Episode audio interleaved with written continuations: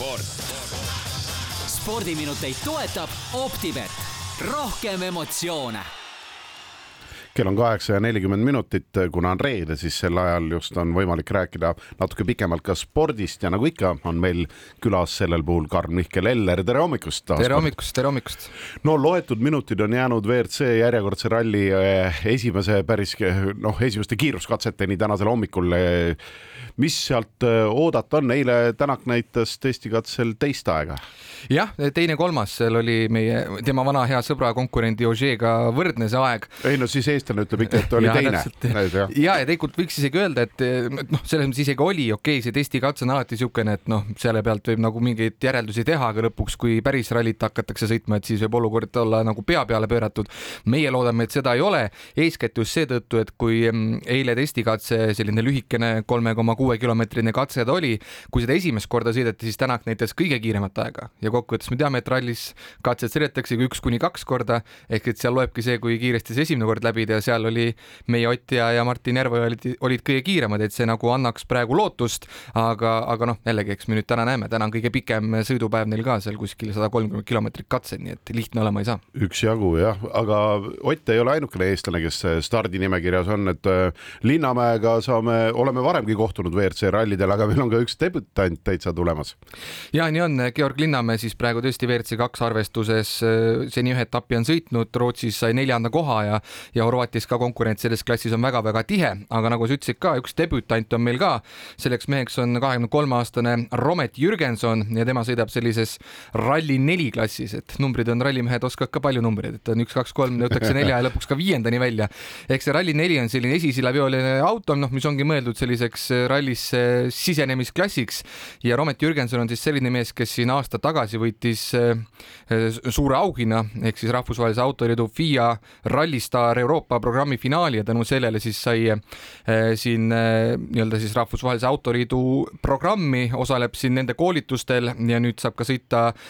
rallisid, käis seal Kesk-Euroopas juba ühel testrallil või noh, kohalikul rallil võistlemas ka, kahjuks see lõppes väljasõiduga tema võistlus, aga nüüd Horvaatias teeb siis esimese stardi MM-konkurentsis ja, ja ta on ise olnud siin kaardilugejana varasemalt ametis aga nüüd siis on haaranud rallirooli, ralliauto roolist ka kinni. Ja tegelikult tema taust on huvitav see, et see Ralli Tähe, Rally Star programm, kus ta osales, seal ta näitas eeskätt just tublidust eh, simulaatoris ehk et siis nagu arvutimängus ehk vaatame, kuidas mees arvutimängu-maailmas siis päris ralliradadel hakkama saab.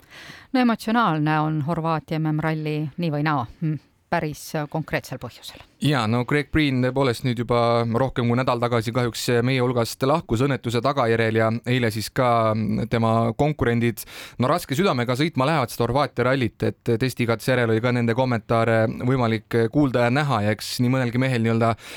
klimp oli kurgus ja, ja pisar silmanurgas ja see on igati mõistetav, eks endalgi iga hetk, kui selle peale tagasi mõtled, et et seda toredat rallimeest enam meie hulgas ei ole, võtab ikkagi nii-öelda hääle värisema, aga jällegi nad kõik toonitasid selgelt, et sellel nädalavahetusel nii-öelda me võistlemegi Craigi nimel tema mälestuseks ja, ja noh, mõned arvavad äkki Hyundai'l võiks siis hästi minna, eks me näeme, kas läheb, aga igal juhul kindlasti põnev võistlus saab tulema. Selgusid äh, mõned Eesti korvpalli äh, poolfinalistid ka äh, alles äsja ja nii on, eile esimene neist selgus,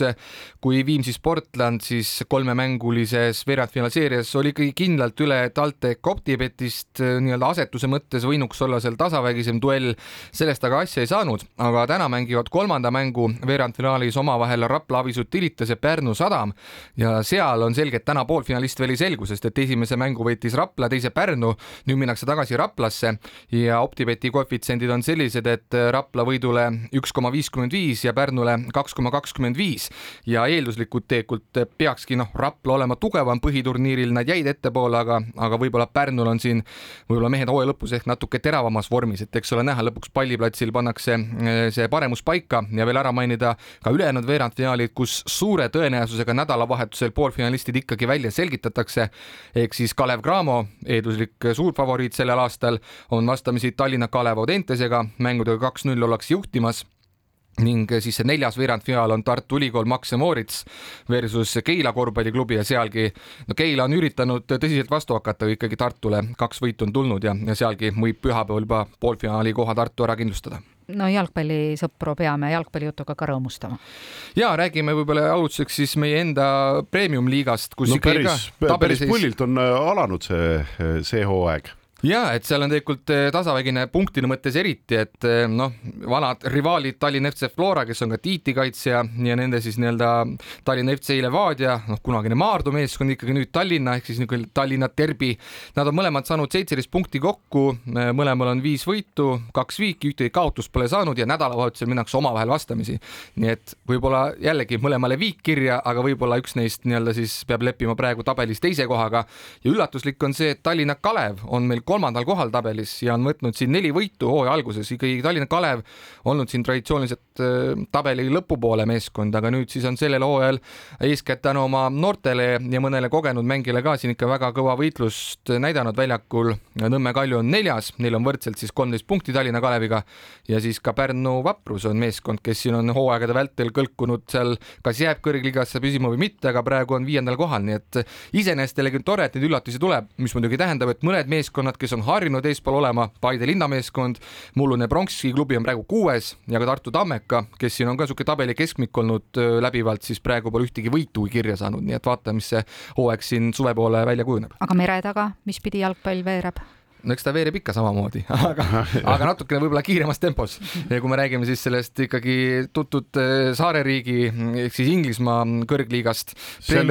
seal ju natukene teine olukord, et eh, hooaeg on eh, hoopis kaugemal ja üsna otsustavas järgus. ja no seal on, ütleme niisugune kuu natukene peale jäänud veel mänge mängida ja kui siin Londoni Arsenalil tundus, et see tiitel on noh, vaata, et peaaegu vormistamise küsimus pärast üheksateistkümne aastast pausi, siis nüüd on Manchester City võtnud siin mitu-mitu võitu järjest Arsenal on saanud kaks viiki järjest. Ja nüüd on niimoodi, et Arsenali ja City vahe on tegelikult ainult neli punkti, nii et selles mõttes eh, seal kindlasti läheb veel eh, äsamiseks, eriti kui neid mänge ikkagi on palju jäänud mängida. täna on Premier League'is küll ainult üks kohtumine kavas, nädalavahetusel hulga rohkem, aga just nimelt see tabeli liider Arsenal läheb vastamisi tabeli kõige tagumises otsas oleva Southamptoniga ja noh, jällegi võib-olla paberi peal tundub, et kõik on paika mängitud, aga eks kõik pannakse paika palliplatsil. Optibet arvab ka, et kõik on juba paika pandud, sellepärast et Arsenali koefitsient üks koma kaheksateist, Southamptonil viisteist koma viis ja viigi peale siis seitse koma viis, aga eks ole näha, siin on üllatusi olnud äh, hooaja jooksul Inglismaa meistriliigas palju-palju.